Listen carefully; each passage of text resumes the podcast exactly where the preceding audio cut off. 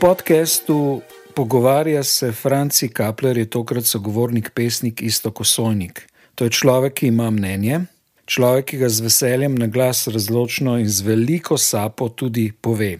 Je morda manjša težava to, da ima težavo z grlom.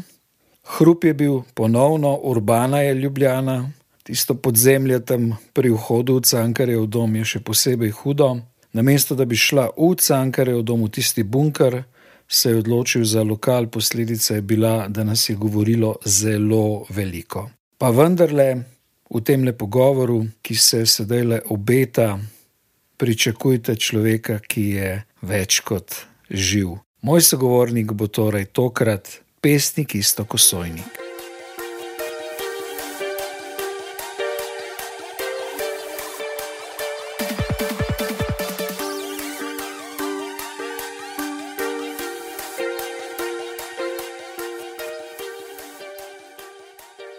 Alala, oh, Skače, hudič.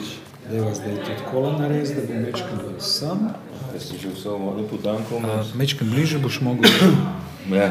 Pa se to lovi zdaj, ko hudič. Lej. Ja, ja, sej, sam da nav preveč, veš. Ja, lej, zdaj Kola bom držal. Lej, kako mi celo prebija, ne, ja, vidiš, Ja. lej, do kam nabija. En, dva, tri, Ja, ja, lej, ja, to lovi. ja, ja. To lovi kusata. Zdaj to je nek lokal, ki je v bistvu ob Maksimu, v katerega isto kosovnik v življenju še ni šel na kosilo, je tako. Ja, pa sem bil v Maksimu v silu, ampak zelo redko. Mislim, da ne dvakrat v življenju vse skupaj. V društvu pisateljev slovenskih pa večkrat, verjetno. Ja, prmikijo, mislim. Ja, ja, ja. Ja, tam, sploh v času, ko sem pač delal na društvu, sem doskrat svoje goste gor pel.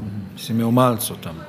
Pač recimo, če so bili kakšni gosti, ki so bili povezani z vilenico oziroma s penom, predvsem še delal na penu, sem jih pač kaj pel. Drugače, da bi jaz sam šel za svoj lasten užitek, to ne.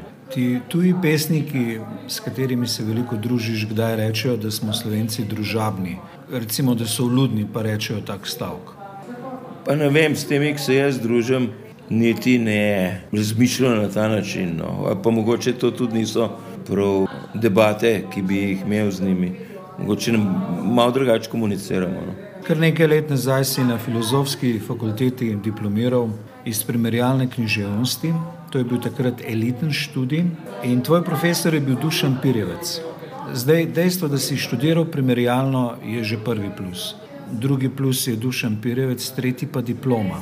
Za nekoga, ki je tako originalen, izviren kot si ti in te sam poznam skozi dolga leta nazaj, je vse to presenečenje. Ja, mislim, odzad za tem je pravzaprav zelo kompleksna zgodba, ne bi šel v to.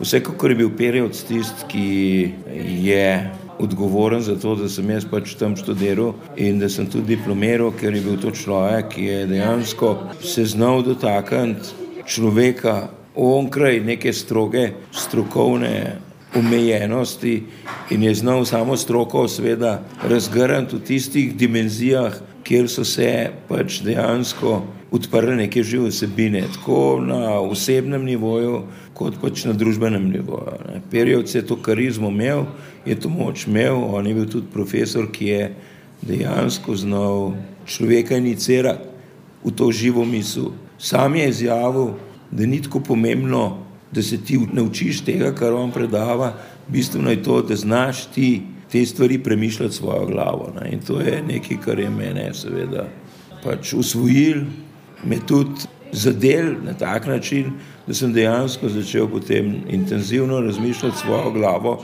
in seveda je to tudi pripeljalo do tega, da so se mi dva s Perjevcem po en stran strašno ujela, po drugi strani se pa tudi na nek način razhajala. Ne. In je bil v bistvu ta najem stik, je bil izrazito dialoški, dvogovor, kjer sta pač dva človeka, vsak svojega. Konca, s tem, da bi on seveda enormno izobražen, jaz sem pa šele vstopil v ta svet, ampak kljub temu je bil to nek dialog, ki je segel onkraj nekih referenc, ki jih ti usvojiš na fakulteti. In je zahteval človeka, da tudi prisluhne mal svoji lastni notranjosti in da skozi to notranjo se dotakne tudi zunanjega sveta. No, za mene je fascinantno ob njegovem imenu to, da danes prvič ni nikogar, ki bi mu bil v kateri koli obliki pandam, drugič pa kako pomembno je skozi različne čase. Ne? Imamo nekoga, ki je izreden umetnik, intelektualec, potem pa pride čas, ko kar nobenega takšnega ni, pa spet pride čas, ne veš točno zakaj, kot neka celota življenja. Ne? Se pravi, za vas je bil tam dušen pirjevec, ne? za nekatere je bil celo guru, za nekatere mogoče celo slabe sanje, temne, črne sanje, za druge pa intelektualec popolnoma svobodnega duha v okolju, ki je bilo po vseh klasičnih socioloških definicijah diktatura. Pa vendarle je on bil svoboda, ste vi bili svoboda, pa tudi mi, ki smo bili nekoliko mlajši, ne, smo to svobodo čutili kot svobodo.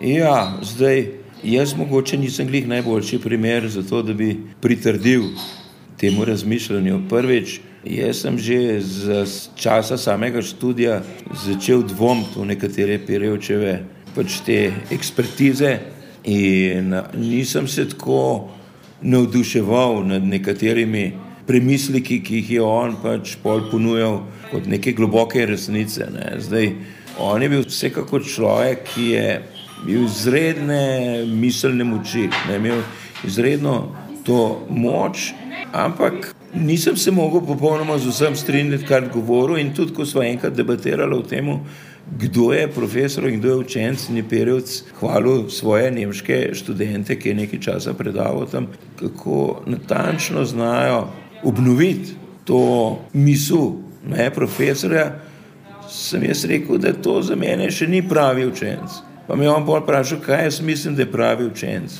Se nekaj, da pravi učenec je seveda nekdo, ki absolvira to misel, vendar je sposoben videti pač probleme, ki jih ta misel ni znala razrešiti in potem po neki svoji poti nadaljuje naprej in seveda pri tem ne zatri svojega profesorja, ampak pokaže, da prav ta profesor mu omogočil po svoji poti naprej. To je res v bistvu. Ja. In Perjevc je takrat me tako zelo čuden gledal in je rekel, pa vi mislite, da je kakšen tak študent. Sem rekel, to pa gospod profesor, boste vi mogli povedati. Jaz sem tukaj še vedno vaš študent. Ne? V smislu tega pač, da moram neke formalne zadeve opraviti. Ne? Si pa zelo želim, da bi se enkrat srečala, pa se pogovarjala kot človeka, ne pa kot profesor, pa učenc. Ne? In Perjevc takrat, ki je umiral, ne, sem ga jaz obiskal tisto noč prej v bolnici. In uh, sem že prijel za kluko, da bom šel ven. On me je do takrat vikal, ti smo trenutko pa rekel, istok. Je rekel, zdaj, ko pridem z bolnice, me boš prišel obiskat in se bo ga pogovorila kot človeka. Ne.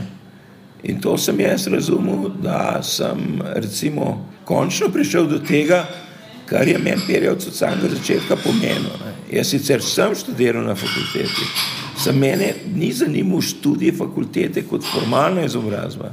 Mene je zanimal sreča človeka, s katerimi bi pač v svojih takratnih intelektualnih in eksistencialnih močeh lahko prišel v debati do konca. In on se mi je zdel tak človek. Vendar dokler nisem diplomiral, ne, seveda so bile te debate recimo problematične. Ne. Hec je v tem, da je, sem jaz že vse pri njemu naredil. Se pravi, in nalogo, in pismo, diplomo, in vse izpite, in vse. In čez dva dni bi mogel imeti zagovor pri njemu, in on umrl.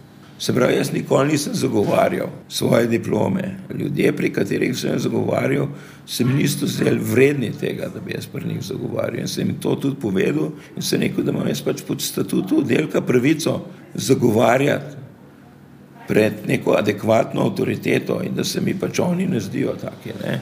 S tem sem si nakopil smrtno sovraštvo, pač ko vsak je takoj seveda vskočil na to Pirjevčevo mesto, ampak jaz sem to zelo resno mislil. Ne. In tudi recimo te debate, ki jo s Pirjevcem nismo imeli, ker je pač umrl, sem jo jaz sam kasneje upravil v dveh knjigah.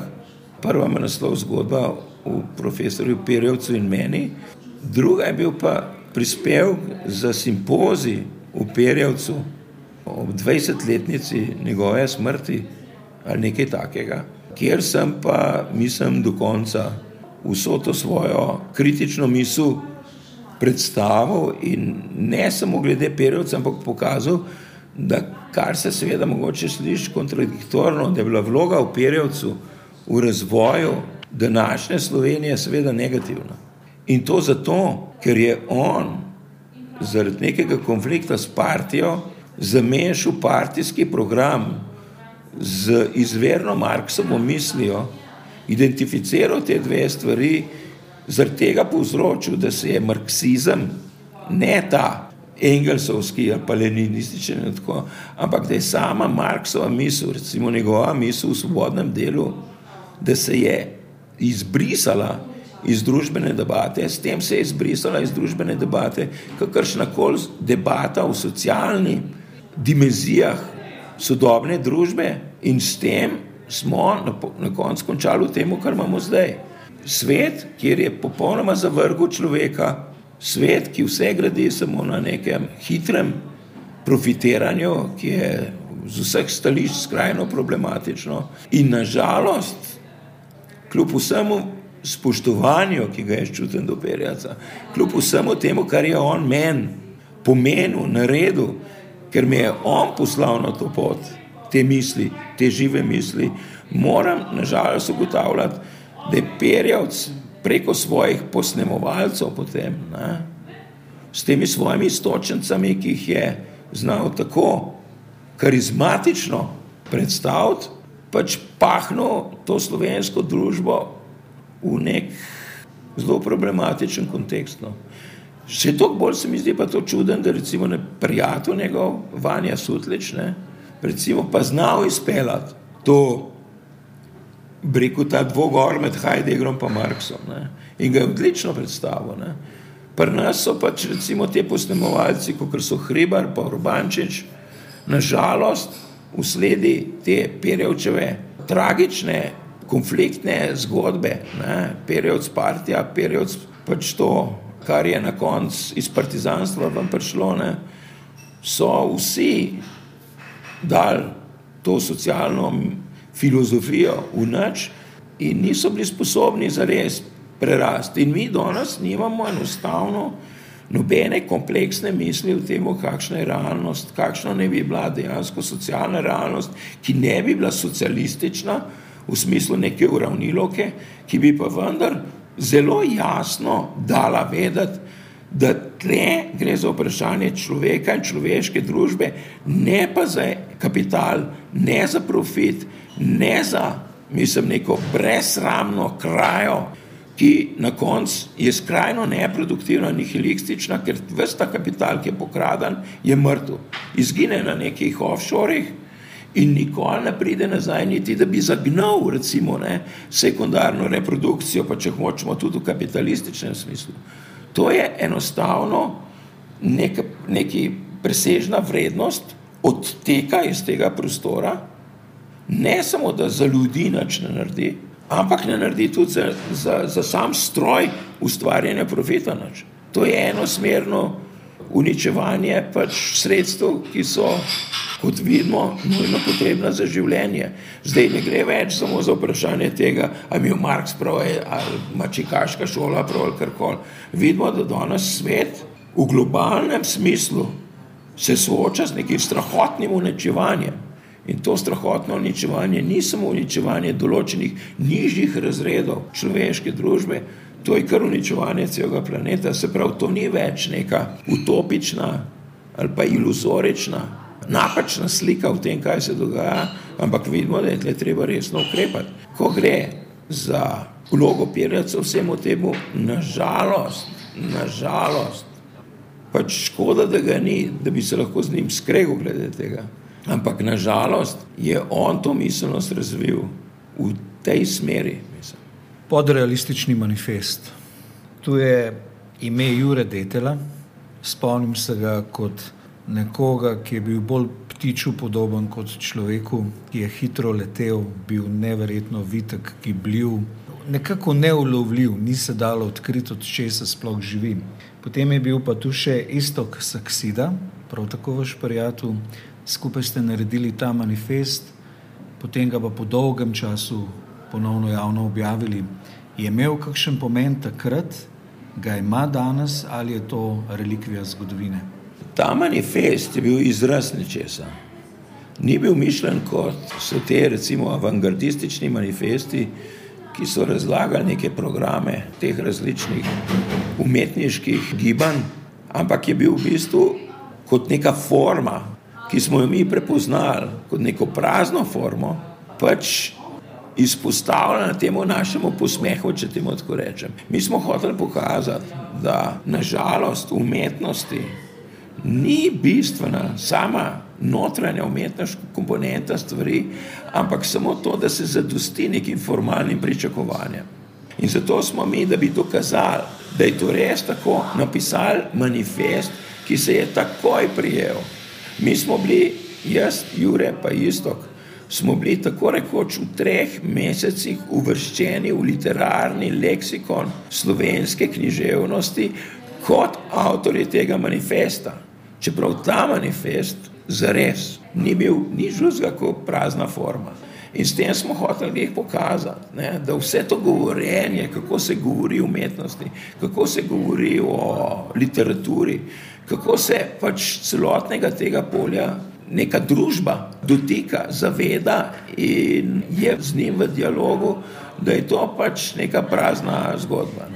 Tako je bil pa napisan, seveda je bil pa napisan na tak način, ker smo bili vsi trije že takrat zelo izobraženi, ne. vsi smo bili strokovito načitani, ne.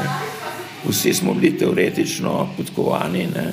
in smo seveda cel kup nekih mehanizmov, ne, konceptualnih, smo jih ugradili not v ta manifest, ki so pa kazali, da na vseh ključnih točkah ne, tega, kako pač družbena nadstavba funkcionira, če tako rečem, ne, da pada, ne, da v vseh teh točkah zares pada ne, in da ta oficialna samo reprezentacija kulture kot nekega ključnega segmenta družbenega življenja, da je prazna marnja. In samo dejstvo, da smo bili tako utkani v oficialen pač izbor, ne bi to dokazoval. Ne, je tudi to dokazoval. Je pa stvar v tem, mislim, da je bil ta manifest in cela ta zgodba del enega zelo širšega gibanja, ki je pokrival od pocestnega oziroma avantgardnega gledališča do neke specifične literarne produkcije, do likovne produkcije, do teh inštalacij, ki smo jih delali, recimo to hidrogizmo, ne, do vseh projektov, ne, ki smo jih izvajali, recimo, ko smo pobarvali Čopovo ulico ali pa ko smo v Dubrovniku po Stradunu razgrnili predsedniški tepih, ko smo vse te naše projekte izvajali, seveda so bili vsi na nek način namenjeni temu, da bi pokazali, kako ležniva je, ne, ta oficialna kulturna praksa, ne, da pa kljub temu obstaja neka živa kultura, vendar je ta kultura totalno potlačena, izrinjena, spregledana in necenjena. Tle bi se lahko recimo do neke mere navezali na recimo dadaizem, se pravi na prvo od vseh avantgard, ker jaz mislim že, da potem nadrealizem je to že Deloma, ja, deloma ponaredek. Dadaizem je tisto, kar ja, je. Dadaizem je zares ja, ja. zadev v srčiko ja. vsega skupaj. Dočim vse druge avangarde, pozneje so pa že v bistvu delovale kot neki stroje za nekakšno družbeno uveljavljanje. Ne. Je bila že umetnost potisnjena v drugi plan. Isto kot Sonik, vi kot pesnik ste dobili nekaj nagrad celo mednarodno. Ena je Veronikina, Zupančičeva, ena je Jenkova, recimo tam je simpatična. Zdaj, načeloma je nagrada priznanje nekaj groznega, mora nekdo, ki hoče biti upornik, vse to zavrniti, pluvati in tako naprej. Po drugi strani je pa Roberto Bolanjo izjavil, da vsaka nagrada dobro dejna, še posebej, če je denarna, je v pomoč umetniku, vsako priznanje je v pomoč, tudi pomaga pri tiskanju knjige, ta priznanja imajo tudi objektivno pozitivno vlogo. Ja, ta priznanja so na nek način pečat družbenega priznanja ne? in s tem seveda ti omogoča, pač, da ti bolj celovito lahko funkcioniraš v nekem prostoru, v neki družbi. Ne. Zdaj, te nagrade, jaz sam sem v parih komisijah za različne nagrade, so seveda v veliki meri stvar neke kuhne. Ne. To družbeno priznanje, ki naj bi ga te nagrade pomenili, ponovadi pomenijo nekaj drugega. Ne. Pomenijo pač, da si ti v neki konstelaciji pač bil sprejemljiv. Ne. Ravno takrat, neki drugi Ravno, pa ne bi bil. Ne bi bil. Recimo, jaz sem Veronika Novem dobil zato, ker so bili trije člani komisije, vsak je imel svojega kandidata, noben ni pustil pač tistega kandidata ne, in potem so se vsi trije odločili za enega tretjega. In ta tretji sem bil jaz slučajno takrat in sem bil dovolj anonimen do meni še niso videli nobenega problematičnega avtorja in tako naprej. Kar se pa tiče seveda tega, kako literatura oziroma literarno življenje oziroma materialna osnova tega, kako avtori v tem prostoru živijo, seveda te nagraje omogočajo potem to, da tvoje knjige dobijo subvencije, omogočajo to, da ti lahko zaprosiš za štipendijo, se pravi, imajo direktne pač materialne učinke, ki si jih bi bilo bedasto otresti, zato ker sam ta prostor, sama ta družba ne ponuja alternativnih modelov za to, kako bi lahko nekdo, ki se profesionalno resno ukvarja z literaturo, živel v tem prostoru. Ne. Pač ti moraš, ker v samih knjig se ne da živeti, se pravi, moraš dobiti nek sekundaren posel, s katerim si kupuješ potem svoj ustvarjalni čas. Te sekundarne posle pa tudi zelo težko dobiti. Dobar, ljudje so bili novinari, bili smo prevajalci, ampak še vedno si bil na nek način, ker je majhen prostor, nadzorovan. Ne? Pač ti niso dali nečesa narediti pa nisem imel položnice za plačati, nisem mogel položnice plačati v koncu meseca. Zato sem se jaz zelo hmal, ko sem se vrnil z Japonske, to že zdavne gotovil in sem se odločil, da bom samega sebe dal na svojo plačno listo. Sem šel delati čist drgam nekam za denar, če tako rečem, in sem si zato kupil tisto svojo svobodo, da sem lahko pisal literaturo, ki ni bila v skladu s pričakovanji tega prostora. Se pravi, mi ni bilo, nisem bil odvisen od objavljanja. Je pa res, da pol kasneje, enkrat, ko sem vstopil v ta prostor, je bila neka umestna faza, kjer ta moja drugačnost še ni bila razumljena kot moteča, je bila sprejemljiva v duhu tega, kar sem prej povedal. Tako da sem v bistvu premustil neko umestno fazo, tako da sem lahko kasneje vse, vse posluževal teh inštrumentov, ki jih ta prostor daje, se pravi štipendij, pa da sem dubu za prevajati, pa da sem dubu objavljene knjige, tako.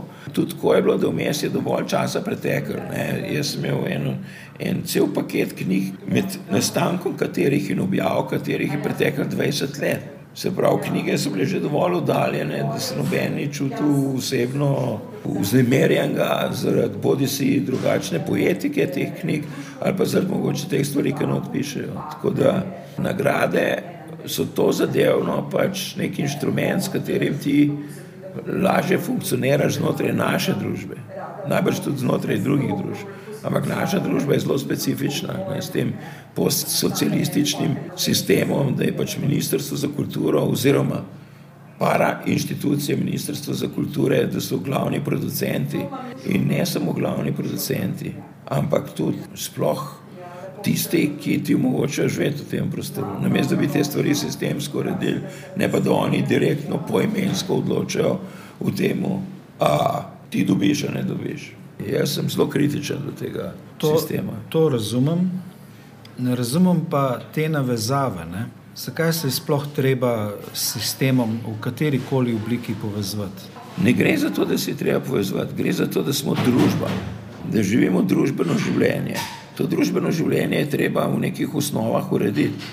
Treba je poskrbeti za neke infrastrukture, treba je poskrbeti za neke osnovne pač strukture, ki omogočajo ljudem znotraj tega sveta, da potem funkcionirajo. To ne pomeni, da jih moš ti zdaj ujčkati. Ampak to je tako, kot če bi imel ti tovarno avtomobilov, pa ne bi imel cest. Zdaj, ministrstvo za promet naj se ne bi ukvarjalo s sponzoriranjem proizvajalcev avtomobilov, ampak naj uredi ceste, da se bo lahko ljudje vozili, da bo lahko prevažali tovore, da bojo pač lahko ti avtomobili v funkciji družbenega življenja. V tem smislu mislim. Ne, jaz ne mislim zdaj, da se ne bi sistem na kakršen koli način kakorkoli protežiral, ampak naj družba uredi v tisti obliki, da bo potem vsak posameznik in družba v celoti lahko funkcionirala. Ti imaš vodovod, brez vodovoda vode ne bi bilo v hiši, tega ne bi mogel kuhati in tako naprej. Zakaj se tega tudi na tem področju ne da narediti? Zato, ker pač ta sistem protežira neke privilegirane pač skupine, posameznike, kroge ali karkoli, ki imajo družbeno moč in ki potem to družbeno moč zlorabljajo za to kontrolo in vzdrževanje tega načina funkcioniranja. Vse to je nedvomno res, ne? to ja. s tem ne polemiziram. Isto kot Sonik, eden od prijateljev, ki ste jih imeli, je bil na nek čuden način moj sosed, občasno, Taras Kermavnar ne bom nikoli pozabil, koliko krat smo šli skupaj čez Sorško polje proti Drulovki. Ja, ja. In on je šel pred mano, jaz pa za njim in nisem ga upal nagovoriti. To je bilo zvečer ja. z zadnjim avtobusom. Taras Kermauner se nekateri delajo, da je del kulturne polemike danes. Večina se pa tudi dela ne več. Ne. Kako je možno tak velik opus pa kar zgine? Ja, nedvomno je ta razkrmavna ali obdušen v Perjevcu, ne, centralna oseba na literarnem polju v svojem času, pa tudi širše. In ta razkrmavnar je seveda bil izredno produktiven človek, velik te produkcije njegove, bi lahko rekel tudi, da je, pač uporabljamo ta izraz šodar, ne. vendar je v jedru te produkcije neka fenomenalna, ustvarjalna osebnost, ena izredno izobražena, prodorna, lucidna, bistra misel, ki je bila sposobna se odzivati na aktualno sceno, ne samo na nek banalen, črno-bel način, ampak je znal osmisliti vse skupaj na, lahko mirne duše rečemo, na evropskem nivoju tistega časa. To je bil človek, ki je v ta prostor prinesel celo vrsto stvari, ki so takrat pač na zahodu, pa tudi na vzhodu, klile in pomembno vplivali na razvoj stvari v tistem času. In on je bil sposoben tega neposrednega dialoga, tako z mednarodnim prostorom. Tisto, kar je pa za slovence strahotno pomembno, je pa to, da je znal artikulirati ta dialog v samem slovenskem prostoru in tudi širše jugoslovanskem. Vse on je bil jugoslovanski mislec in uh, so ga vse posod sprejemali. Zdaj to, da je njegov opus, ne, njegova misel, njegovo delo pač nekako, rečemo, na pol pozabljeno, da je poniknilo, ne, to govori pač v neki, rečemo temu, kulturni bedi današnjega trenutka, ne, ko nismo sposobni zares na ozadju se pravi, teh velikih ljudi nadaljevati in nadgrajevati te družbe, ampak da seveda prihaja ravno obratno do neke retardacije ne? in da še tiste velike ljudi, ki smo jih imeli, ki so sproducirali to fenomenalno zavedanje tega, kaj se dogaja v tistem trenutku in so znali videti v prihodnost, da smo mi to vse zavrgli. Še toliko bolj žalostno je to, da so to zavrgli ljudje, ki so nekako zrastali v sledi teh ljudi, da so to ljudje, ki so imeli vpliv na naš družbeni prostor, da so to ljudje, ki so veljali za velike umetnike in velike intelektualce, vendar ko je šlo nenadoma za njihovo delovanje v političnem prostoru, so se izkazali za te zadnje politikante in prav cenene pač kramarje. Ne. In lahko rečemo, da, to, da je to, kar se je zgodilo s Kermaunerjem, pa s Pirjevčevo mislijo, pa še s parimi drugimi, to katastrofa. To je nacionalna katastrofa. Isto kot Soni, kako ste se vi lahko pogovarjali s Tarasom Kermaunerjem? Recimo, jaz se spomnim, da smo se tako, jaz sem ga pogledal, on je pa govoril. Ja, nisem, jaz sem bil tako kot s Pirjevcem. Jaz sem ga parkrat obiskal tam, eh, se pozval, kot se reče. Ja, tam tisti ja, ja, koči, nekje, ja, ja, tisti, ja. tam nekje sama bi stekla. Jaz sem se na nek način, pač jaz sem bil mulj, prvič sem bil, tako kot vsak mulj, pač prepotenten. Prepotenten, recimo. Ne. Drugič sem iskreno želel neke stvari razčistiti, čeprav mogoče niti nisem znal postaviti vprašanj, če temu tako rečem. Ampak to je bilo v meni je bila neka resnica, ki je bila iskrena. Ne. In predvsem sem bil pač človek, ki se ni ustrašil dialoga. Ne. In tudi, ko sem se s Kermano pogovarjal, jaz sem kar prekinjal, sva se kregala in on je mene tako mladenič, mladenič, ne.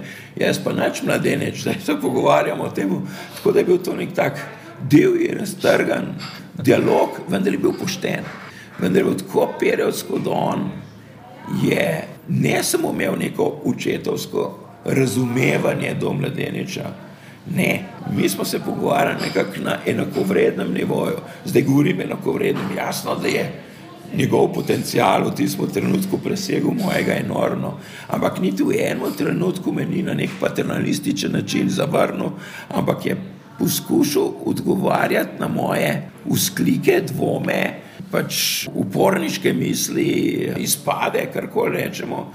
In tudi potem, ko se je po dolgem času, recimo potem, ki je živel sami, pa so ga tam na krasu pač pregnali in se je vrnil v javno življenje. Ne. Jaz sem ga že na Vilenici poskušal zbrskati ne. in sem mu hotel dati prostor, pač prvič ga spet predstaviti, uživeti, ampak tudi njemu, da, da bi karkoli hoče, ampak nekako ni, ni, nekak ni uspel, ker je on v Viljenici videl pač neko produkcijo tega društva, do katerega je bil zelo distanciran, tudi kot veš, se je do nove revije distanciral čisto ja, pravičeno. Ja, in je pač to moja pobuda na robe razumel, da hočem jaz s tem se nekako koristiti z njim. Ampak jaz sem pa to iz, izredno iskreno mislil iz tega, kako sem ga spoštoval, pa ne, da bi ga zdaj spoštoval počes, ampak iz tega, kako je ta, kaj vse je on naredil in da bi to prišlo ven in da bi to spet postal nek živ motor te kulturne scene. Je pa na srečo rad ali potem recimo, če tako rečem, naslednji generaciji. Isto kot Sonik, vi ste veliko potovali ni bila samo japonska, ampak v vaši poeziji je opaziti veliko krat imena krajev, mest.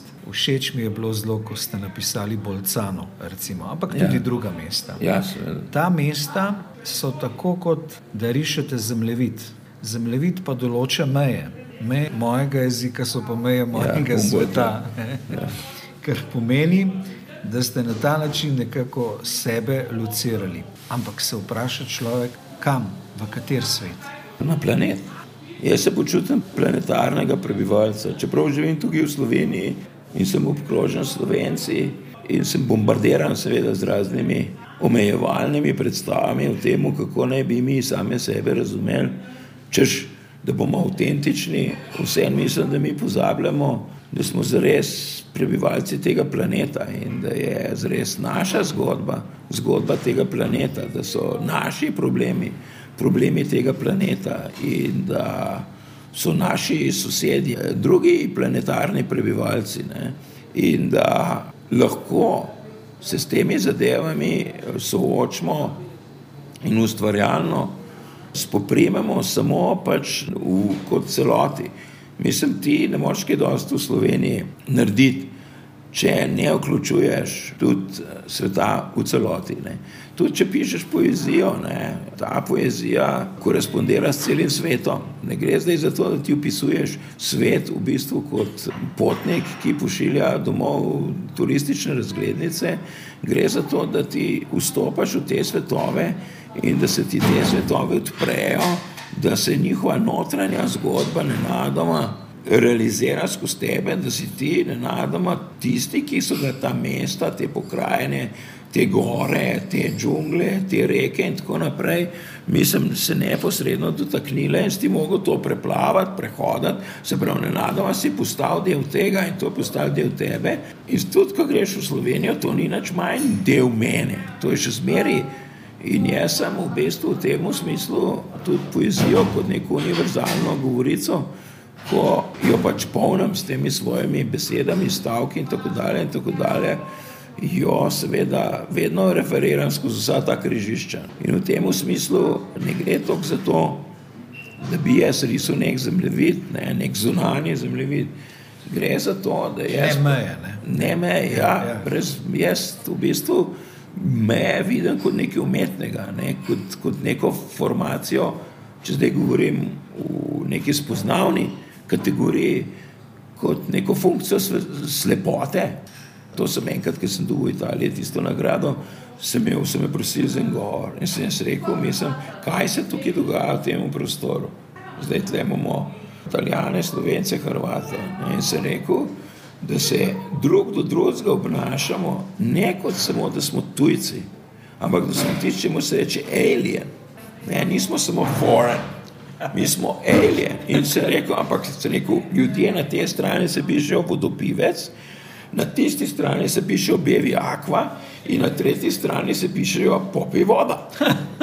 In se rekel, ampak to so eni in isti ljudje. In samo zato, ker je en čez njihovo kuhno začrtal neko črto, se ne nadamo, zdaj gledajo, kot da so totalno drugačni. Uni, bevi akva, gledajo te tle čez mejo, kot da so to neki barbari iz hribov. Te barbari iz hribov gledajo v neke, neke strahopetne, mislim, makarone, ne? te ta tretji od spot, ne? pa in tako mislijo za sebe, da so krona stvarstva in da so in eni in drugi popolnoma neustrezno se pač pojavili v tistem prostoru. Isto kot Sonik, nekateri teksti v preteklosti se zdi, kot da imajo neke vrste absolutno moč recimo fragmenti od Parmenida ali pa Vergilova smrt od Hermana Broha. Se mi je že nekajkrat zgodilo, da sem jo moral brati, prav fizično moral brati. Na enak način doživljam tudi tekst Hercog, ameriškega pisatelja, Saul Bellow. Ogromno knjig pa je, za katere je vseeno, če jih ne bi bilo. Ali vi kot pesnik stremite k tej prvi knjigi, ali pozabljate na vse to, kakšne bodo ocene, pomeni in tako naprej, pa enostavno bruhate, kar pač imate. Kakšna je tukaj samo kontrola, kakšna je ambicija nekoga, ali lahko nekdo v vašem položaju reče: Napisal bom vrhunsko poezijo, potem pa jo napiše. Ali sploh to možnost ima? Ko pogledamo nazaj in ko se soočamo s to produkcijo preteklosti, avtori in teksti, ki so nedvomno dosegali neke globine ali pa neke veščine, karkoli že temu rečemo, in uspele s to svojo, neko svojo univerzalno govorico se dotakniti pač ravni, bodi si posameznikovega človeškega bivanja ali pa družbene resničnosti z močjo, ki jo ne premorejo čez vsi. Ne. To ni nobenega dvoma v to. Zdaj človek, ko se sam loteva tega, se niti ne pomerja s temi velikimi ljudmi. Pač te ljudje so imeli svoje, kako bi rekel, vzpodbude, razloge, energetske potiske, kar se že to reče, ki so jih pač pripeljali do tega, da so spravili skupaj take gigantske literarne ne, stvaritve. Ja, jaz se strinjam, Vrgilova smrt je fenomenalna knjiga. Ne. Jaz osebno, kot enega največjih avtorjev, vidim pač Dostojevskega. Ne. Meni je on bil vedno neka referenca, ne zdaj kot ime. Se mi zdi, da recimo brati Karamazovi so tekst za pisatelje, ne. niso mogoče tok tekst za bralce, kot so tekst za pisatelje. Pa zato, tudi kar... za filozofe. Recimo. Ja, no, sej, s tem pač pisatelja mislim, mislim pač neke ljudi, ki se s tem profesionalno ukvarjajo. Ne. In zdaj on je meni bil že od nekdaj pač neki ziv, če temu tako rečem. Se pravi, kako se sploh prebiti do tega. Osebno dajem vse od sebe. Zdaj, jaz sem jaz po neki svoji taki ali drugačni sestavljenosti, ali kako se že to reče, mislim, svetovan avtor ali ne, na to jaz težko karkoli vplivam.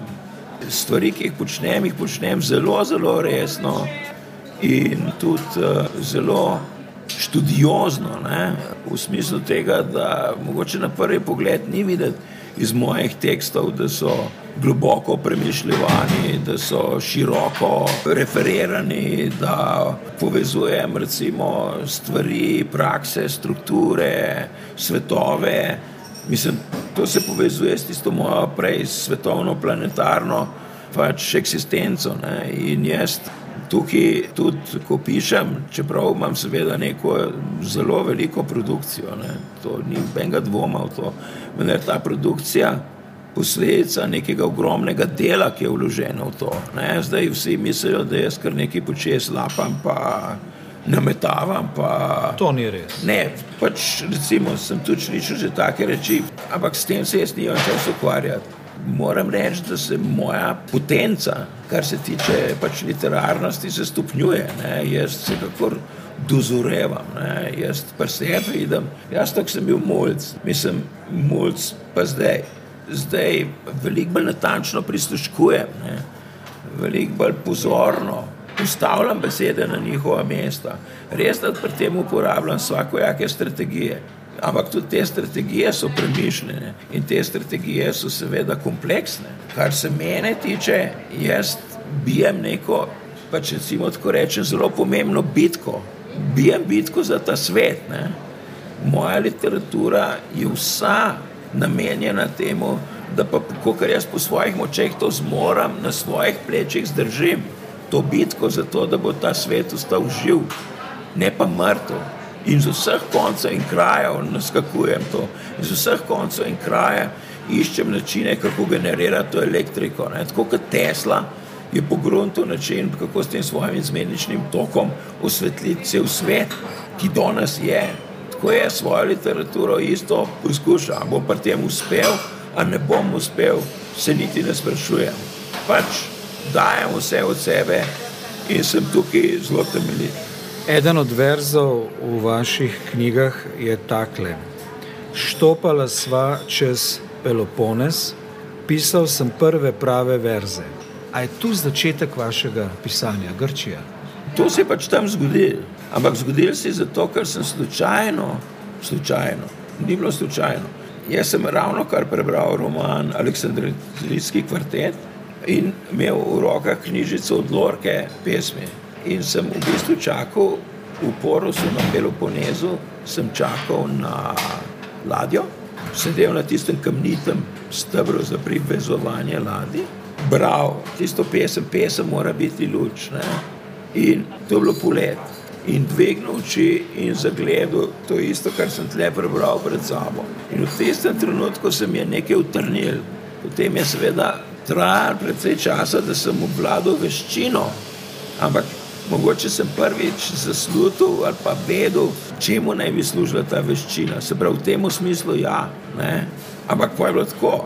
Po je ratal, pa ni ratal, pa se spet zgovoril, pa se je pojavil, pa spet tako neč. Zdaj pa mogoče praktično sem sposoben to napetost, to kondicijo vzdržati vaš čas. Mislim, če se enkrat lotam pisati nečesa, pol zdržim brez težav preko ne vem koliko strani in tudi recimo se, se totalno pogrezno, no, zgubim na nek način tega nekega sebe, ki ne bi postavljal ta neka brezvezna prazna vprašanja in sama ta materija pač se tukaj preobraža, dogaja, pojavlja, ustvarja, vzdržuje. V tem smislu jaz vidim poezijo kot neko alternativo neoliberalnem nihilizmu. In to zelo resno mislim. Neoliberalni kapitalizem za sebe hoče trditi, da je nek totalitaren sistem, se pravi, da vse pokriva. Ampak za res poezija dokazuje, da ne pokriva vsega. In s tem, ko dokazuje, da ne pokriva vsega, s tem je konc neoliberalnega kapitalizma. To je v bistvu de facto izničenje celega napora neoliberalnega kapitalizma. Pomeni, da obstaja nek otok svobode in ta otok svobode, čeprav je majhen, če bi ga materialno usporejali, ima tako notranjo moč, da razgradi celoten globalni korporacijski kapitalizem. Pisanje pesmi napotuje k odprtemu in slepemu.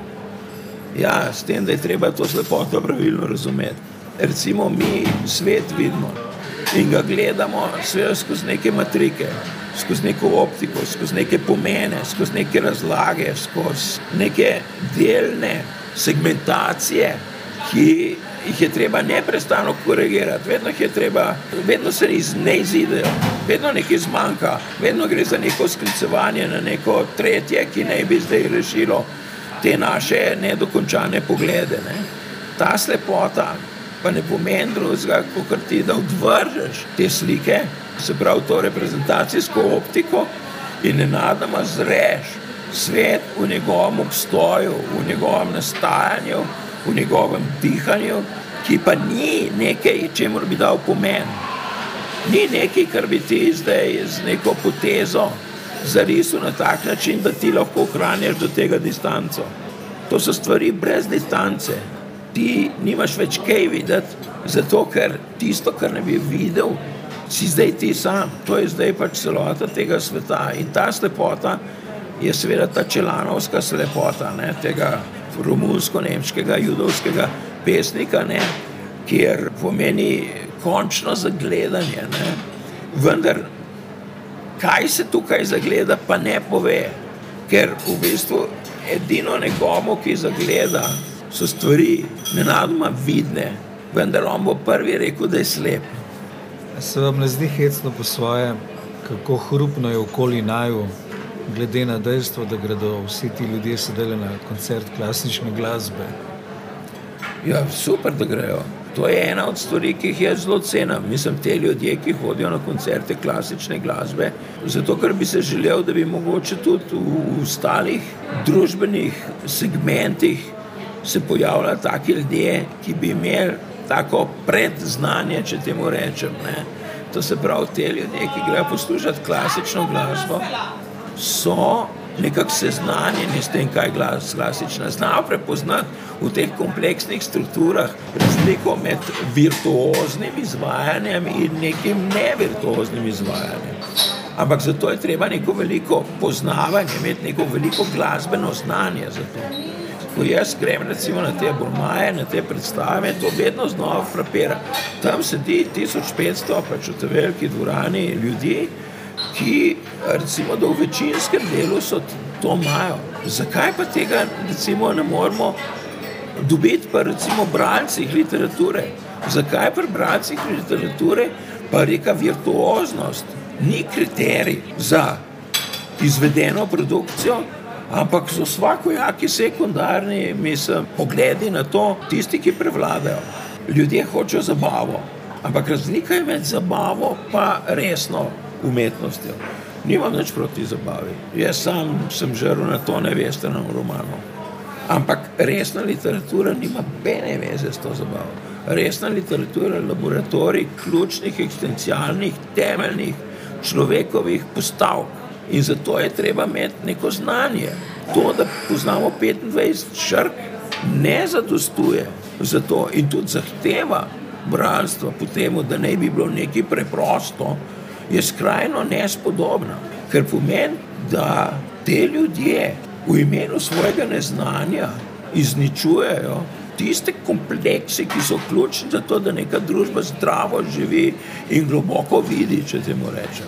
To, da se celo sami avtori in uh, intelektualci vključujejo v to kampanjo, se mi zdi pa res nespremljivo. Nespodobno. Nespodobno. Sam si prej govoril o Virgilovi smrti. Mislim, Virgilova smrt je roman, kjer je treba možgane napet. To je esej, to je treba zdržati te dolge stavke, to je treba zdržati to koncentracijo tega, v čem ta stavek govori, v čem ta odlomek govori, v čem ta knjiga govori. Ampak to je treba se naučiti, to je treba se tako naučiti, kot poslušaš klasično glasbo. In ker si se enkrat tega naučil, ti lahko potem se tukaj suvereno gebleš in potem nenadoma ta literatura lahko zaživi. Te globoke notranji dialogi, recimo Dostojevskega. Če ti v tem vidiš neko prazno čvekanje, če ti ne vidiš, kako se tle duše v globini soočajo, ne s tem, da ima ena prav, druga pa ne, ampak da je to nek proces, kjer se ta zgodba sploh odpira. Če te sposobnosti nimaš, pol bo to za tebe brez veze, nekaj težkega, nekaj dolgočasnega, nekaj karkoli. In to se mi zdi, da je pač v bistvu treba inzistirati na tem. Ne glede na to, kakšno je okolje, ne glede na to, kakšne kriterije vzpostavlja okolje, ne glede koga se hvala ali pa koga se daje kot vzor, recimo v tem okolju, je treba je preko tega in je treba ustrajati največjih in najtežjih globinah, da temu tako rečem. To je tako kot alpinizmu. Mislim, ok, plezi ti tam na Ljubljanski grad, če hočeš, sam ne tega postavljati za kriterije, ker nimaš pojma, zakaj gre. In tudi ljudje, ki upravljajo najteže spone, oni nič ne gledajo, če kdo gleda. Oni so čisto v drugem svetu, pridejo dol, povejo, da so pač tam bili in so seveda s tem samo povedali, da je tam možno neke stvari početi. Ampak pol mora človek sanke in z bralcem je isto. Ni dovolj bralcu sam povedati, kaj ta knjiga pripoveduje. On mora sam kaj noter in se sam v bistvu skozi vse to aktivirati in aktualizirati. Isto gosojnik v kavne avtomate, v tale hrup, bi eno pesem prebrali, bi to šlo. Ja, bi šlo. Mislim, da je precej primerno okolje Ja, se odhaja. za poezijo. Ja, pa vse vse, kjer vsako okolje je primerno za poezijo. Poezija, je, poezija ni pogrebni govor. Mislim, poezija ni. ni Razen če je dober govor. Ja, že, ampak hočem reči, lahko je tudi pogrebni govor. Ampak nikakor ni pogrebni govor, samo v tem smislu, da zahteva tišino, mislim, pa mrtvoudnost, mislim, poslušalcev. Poezija je živ organizem, mislim, ki mora biti sposobna te stvari enostavno živeti. Mislim. Ne vem, kaj naj zdaj preberem, zdaj imam pač te goro knjig, zdaj imam pa recimo en tekste, ki sem jih bral včeraj, ki sem bil na terceti, upam, da so ti. Kar enega od teh, to bo lep zaključek pogovora.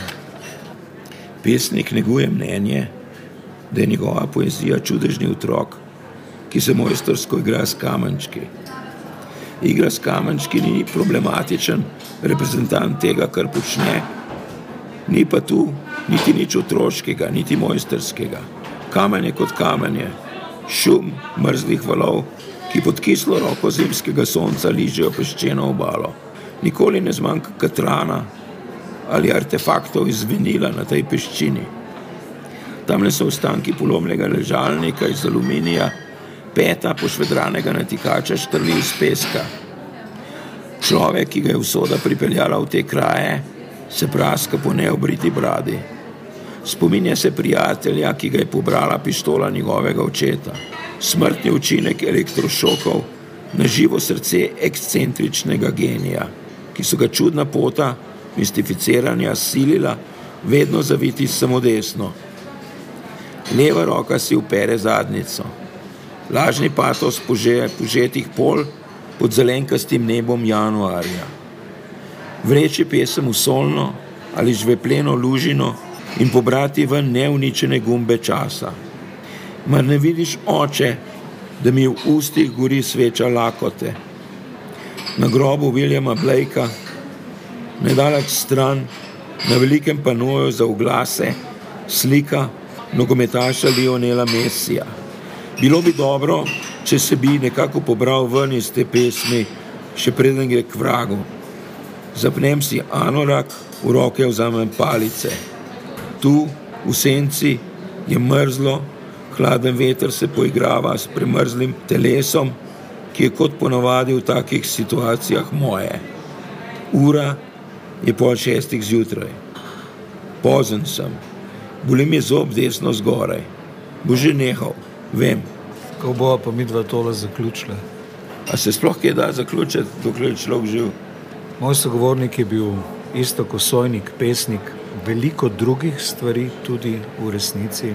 Eden od ljudi, ki sem jih po nekem naključju, morda se niti spomnim, spoznal, ko sem štopal in mi je takrat z veliko ljubeznijo govoril o Tarasu Kermaunerju, kar je bilo za tisti čas za mene zelo pomembno. Pa verjamem, da tega ne vem. Isto kosojnik, bili ste gost v podkastu, pogovarja se Franci Kaplar.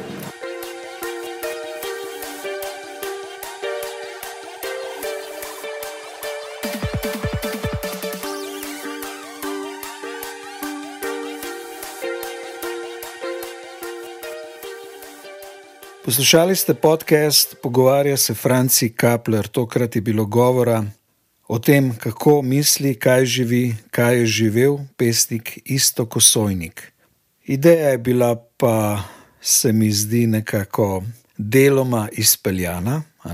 Ljudje, ki mislijo, imajo toliko zapovedati, toliko povedati, da enostavno ne hoti marsikaj človek izpusti. Istok Saksida, Srečko Kosovel in še nekateri drugi niso bili omenjeni, čeprav se mi je pred pogovorom zdelo, da je to nujno, pa mi vendarle ni uspelo. Istok Kosovnik je pač človek, ki toliko pove tako iskreno in zares, da ti kar sapo jemlje. Če tudi se morda niti ne strinjaš čisto zares z njim, ga je pa njega in njegovi misli slediti pravi užitek. Pokrovitelj podcasta Pogovarja se Franci Kapler je bila tokrat založba Klopotec. Upam,